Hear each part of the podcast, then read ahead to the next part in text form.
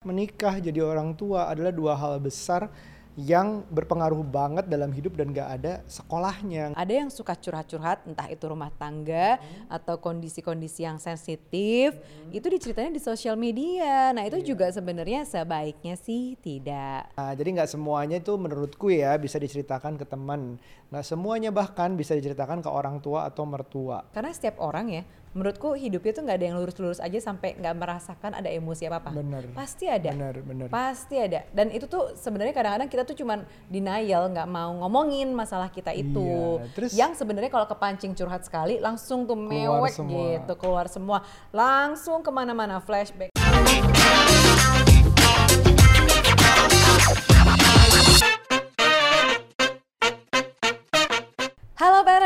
Kabar? Kembali lagi di podcast Curhat Babu, curhatnya Bapak dan Ibu. Ketemu yeah. lagi sama kita. Eh selain curhat ke kita, which is nggak benar, nggak disarankan untuk curhat ke kita. Uh, curhat tuh baiknya ke mana sih? Karena beberapa kali kita tuh um, bilang ke pendengar kita bahwa harus ke marriage counselor kalau ada masalah pernikahannya. Eh, tapi nggak juga. Kalau misalnya nih masih masalah-masalah sehari-hari yang ringan, curhat-curhatan santai yang ringan juga, Bener. itu sebenarnya bisa ke temen kan, nggak apa-apa dong. Uh, iya dalam dalam kadar tertentu. Ya. Nah jadi nggak semuanya itu menurutku ya bisa diceritakan ke teman. Nggak semuanya bahkan bisa diceritakan ke orang tua atau mertua. Iya tapi mungkin kalau curhatannya udah berat menyangkut hubungan mm -hmm. pasangan suami istri ada baiknya sih untuk nggak cerita ke teman dekat sekalipun. Betul. Kenapa? Karena menurut kita orang dekat, entah itu orang tua, kakak adik, saudara, teman dekat, itu pasti punya bias.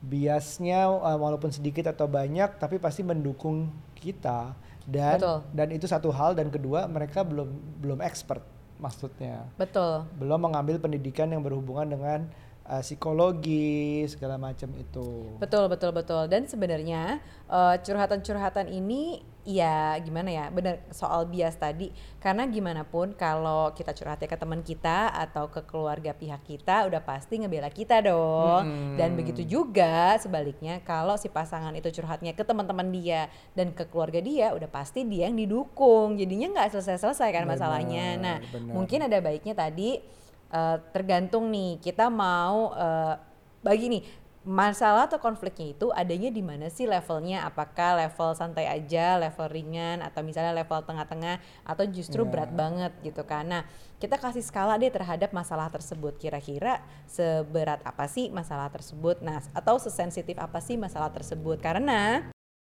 aku suka lihat juga bab ada yang suka curhat-curhat entah itu rumah tangga mm -hmm. atau kondisi-kondisi yang sensitif mm -hmm. itu diceritanya di sosial media nah itu yeah. juga sebenarnya sebaiknya sih tidak betul karena uh, cerita-cerita di bukan expertnya bukan pada tempatnya itu belum tentu bisa menyelesaikan masalah juga dan pertama sebenarnya masalah itu idealnya diselesaikan cuma berdua. Kalau masalahnya berdua diselesaikan berdua.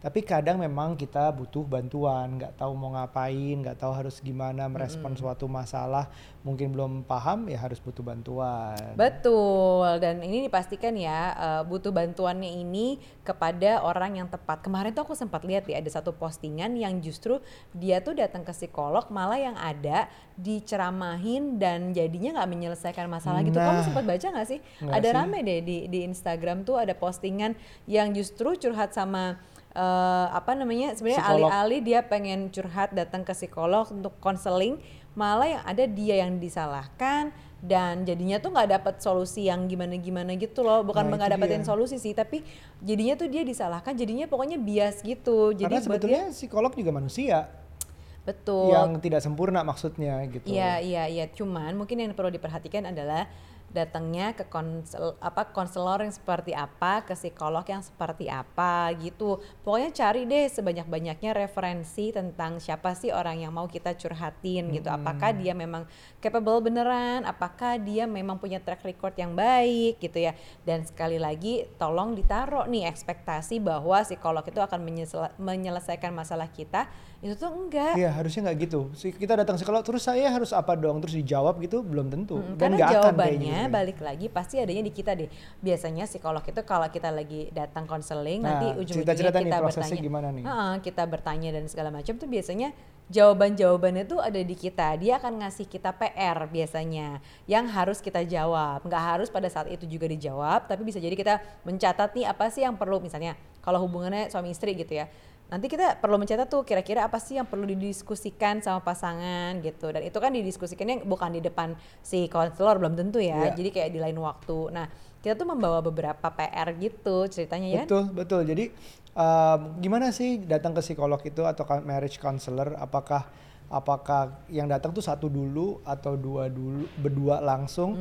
Itu tergantung, tergantung posisinya, tergantung kadang-kadang suka reluctant cerita ke masalah masalahnya tentang ke orang asing. Iya. And I get that, nggak apa-apa. Memang biasanya adalah menyelesaikan masalahnya langsung atau cerita ke orang yang harus dipercaya dulu. Iya. Nah itu paham banget. Nah kalau belum siap, biasanya satu dulu yang si eh, yang salah satu dari pasangannya yang sudah siap. Yap. Nggak apa-apa, walaupun kesannya ngomongin pasangannya, tapi sebenarnya fokus ke memecahkan masalah, bukan untuk jelek-jelekin aja, bukan untuk curhat aja, eh, akhirnya gibah doang, bukan, bukan itu sih. Betul. Tapi pasangannya misalnya nih suaminya belum mau, ya udah istrinya dulu yang berangkat ke situ cerita-cerita sampai akhirnya sekali-sekali dibawa bareng atau tahap sebelumnya suaminya sendiri dulu gitu tanpa istrinya. Iya, iya betul. Gitu. Jadi ada beberapa tahapan sih mana yang paling nyaman buat kalian dulu gitu. Mm-mm. Nah, tapi kapan sih kita tuh perlu datang ke marriage counselor Kapan? ataupun uh, ke psikolog gitu ya. Kalau sekarang tuh udah banyak sih soal awareness awareness sebelum kalian menemukan banyak masalah sebaiknya datang ke uh, me- uh, ke konselor atau ke psikolog gitu. Aku juga setuju sih dengan hal tersebut dan menurutku uh, masalah orang tuh kan nggak bisa diukur kayak berapa banyaknya. Misalnya satu banyak utang, dua penyakitan, misalnya gitu, tiga apa kan nggak bisa yang terlalu Iya. dijabarin kayak gitu. Tapi kita yang paling tahu bebannya tuh seberapa mengganggu function tubuh dan pikiran kita sih gitu. Ada yang sampai mungkin jadinya marah-marah mulu itu kan ketara banget berarti mungkin di dalam tuh udah numpuk. Ya. Atau kedua misalnya ada penyakit tertentu gitu yang karena karena stres tuh ngaruh ke badan kan. Iya. Uh, our body restore our emotion gitu katanya. Jadi kalau misalnya kalian ada yang sakit apanya gitu ya itu tuh bisa jadi pengaruh dari emosi yang numpuk, stres level yang Setuju. tinggi kayak gitu-gitu. Jadi kalian harus tahu sih di level mana sebelum sampai parah banget harus cari pertolongan apa pun itu. Jadi eh, perlakukan seperti medical check up sebenarnya. Medical check up yang baik dilakukan secara rutin satu Ya. tahun atau dua tahun sekali kalau misalnya lebih sehat lah Ya. anggapannya. Karena kita nggak mau tiba-tiba dalam lima tahun 10 tahun terakhir misalnya kolesterol naik terus ternyata pelan-pelan, Ya. gula darah naik terus dalam gaya hidup kita. Nah ini sama halnya dengan mental situation kita ke psikolog dan ke marriage counselor itu kalau bisa sebelum ada masalah rutin. Nggak bukan setiap ada masalah langsung datang nggak juga seminggu sekali gitu nggak juga. Lebih karena ya sama enam bulan setahun dua tahun itu regular check up Iya, dan kebetulan kalau misalnya memang kalian menemukan, misalnya nih kalian udah berapa tahun nikah, terus menemukan sebenarnya sering berantem, sering konflik, nah itu coba deh ajakin pasangan kalian untuk ke eh, marriage counselor gitu ya misalnya atau ke ke psikolog gitu. Hmm. datang untuk ngobrol gitu. Dan berikutnya pun kalau misalnya masalahnya udah selesai ya itu tadi Aryo bilang juga rutin check up. Mungkin Iya. kayak setahun sekali atau paling nggak maksimal dua tahun sekali dilakukan. Jadi setidaknya ada progres. Karena setiap orang ya menurutku hidupnya tuh nggak ada yang lurus-lurus aja sampai nggak merasakan ada emosi apa apa bener pasti ada bener bener Pasti ada. Dan itu tuh sebenarnya kadang-kadang kita tuh cuman denial, nggak mau ngomongin masalah kita itu. Iya, terus- yang sebenarnya kalau kepancing curhat sekali langsung tuh mewek semua. gitu, keluar semua. Langsung ke mana-mana flashback dan apalagi psikolog tuh biasanya pintar untuk menggali. Jadi ketika kita dikasih pertanyaan Iya, tertentu, betul. kita jawabnya bisa panjang banget, bisa jadi curhat banget gitu. nah terus tapi kan kalau ada yang nanya kan mahal terus gimana Setahu aku, range-nya tuh macam-macam. Ada yang per jamnya 500 ribu, ada yang per jamnya satu juta gitu. Ya, Dan lain-lain. Ada yang 2 juta, eh ada yang 2 jam satu juta. Pokoknya beda-beda lah gitu. Tapi memang kita perlu cari tahu sih berapa harganya. Eh, dan ada juga setauku yayasan yang bikinnya gratis. Tapi Ya. memang yang bikin gratis ini dipastikan kita datangnya nggak boleh telat. Eh, maksimal curhatnya 30 menit bukan curhatnya lah ya konselingnya 30 menit jadi ada batasan tertentu gitu tapi memang eh, kalau aku ngambil yang dua jam biasanya karena sejam Hmm. pertama ngobrolnya biasanya pakai nangis dulu ya kan biasanya sejam pertama tuh nangis dulu sejam berikutnya baru lebih tenang jadi bisa ngobrol dan konselingnya tuh lebih enak ngobrolnya kalau di pengalamanku ya Bener. jadi eh, malah kadang-kadang nggak berasa kalau itu tuh udah dua Dua jam, jam. karena isinya curhat nangis yang apa gitu loh. Jadi ada baiknya sebenarnya kalau mau curhat memang ambilnya misalnya yang satu jam atau dua jam.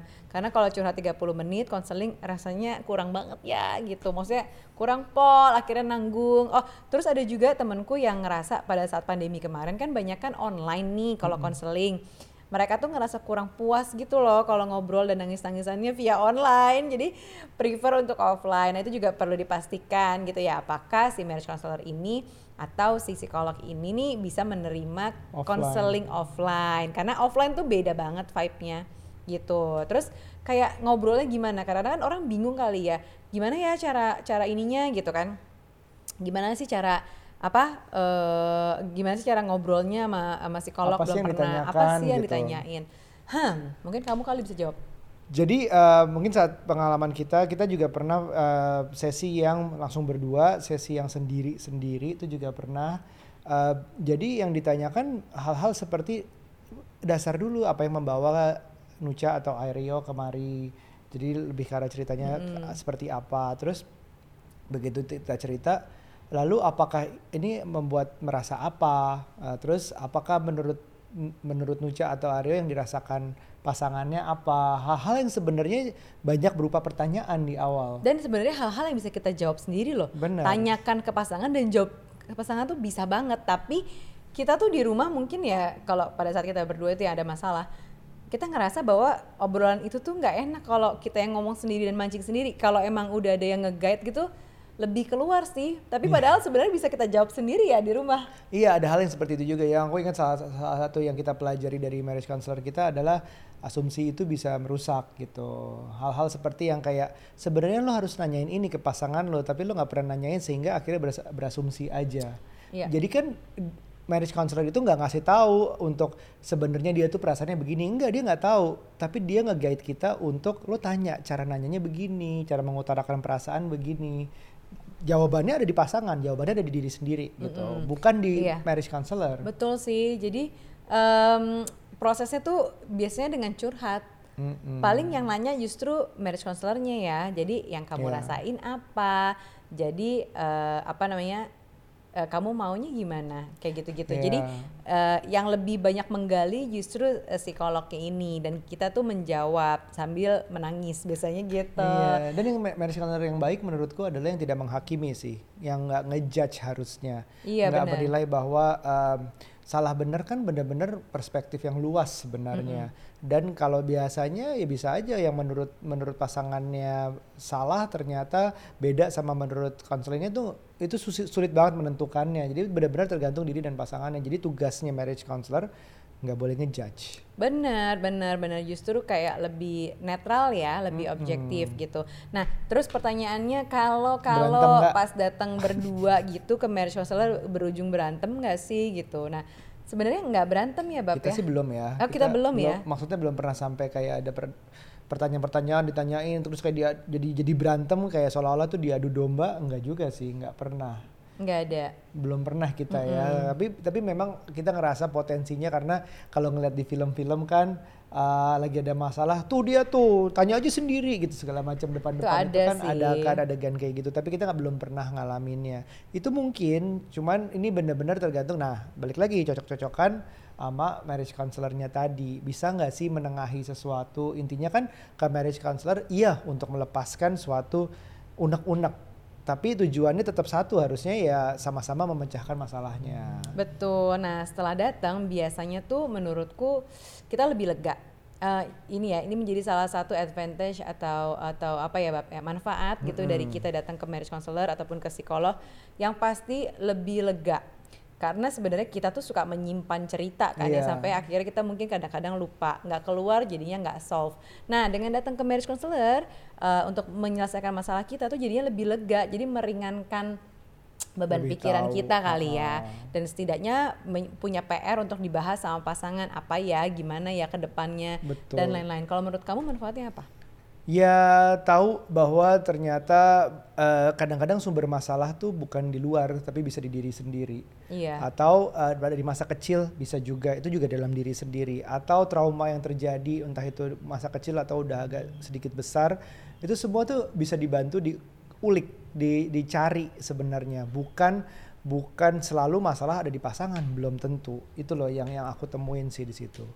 Nah kalau kita disuruh rekomendasi uh, marriage counselor itu seperti siapa aja, sebenarnya aku kita baru bikin postingan di curhat bapak ibu. Nanti aku pin deh uh, di Instagramnya deh. Uh, cuman itu masih Jakarta. Saat ini kita belum keluar Jakarta untuk tahu marriage counselor sebagai um, rekomendasi yang mana. Nanti kalau begitu Betul. ada parent talk atau curhat bapak ibu akan posting lagi kali ya. Betul. Jadi kalian lihat aja di postingan @curhat Bapak Ibu, tinggal dicek-cek gitu. Nah, kalau misalnya kalian posisinya belum menikah gitu ya, bukan eh, sebenarnya bukan tujuan datang ke marriage counselor mungkin bukan ngebahas pernikahannya berarti ya orang belum nikah, tapi lebih ke premarital eh, preparation. Jadi lebih ke persiapan pernikahan gitu sih yang menurutku Iya. eh, ini penting sih kalau kalian ada budgetnya, kalian ada waktunya dan memang willing untuk melakukannya bersama, datang deh karena ternyata banyak hal-hal yang Ada bisa workshopnya kita itu kan? Iya, Mm-mm. banyak hal-hal yang bisa kita pelajarin di situ.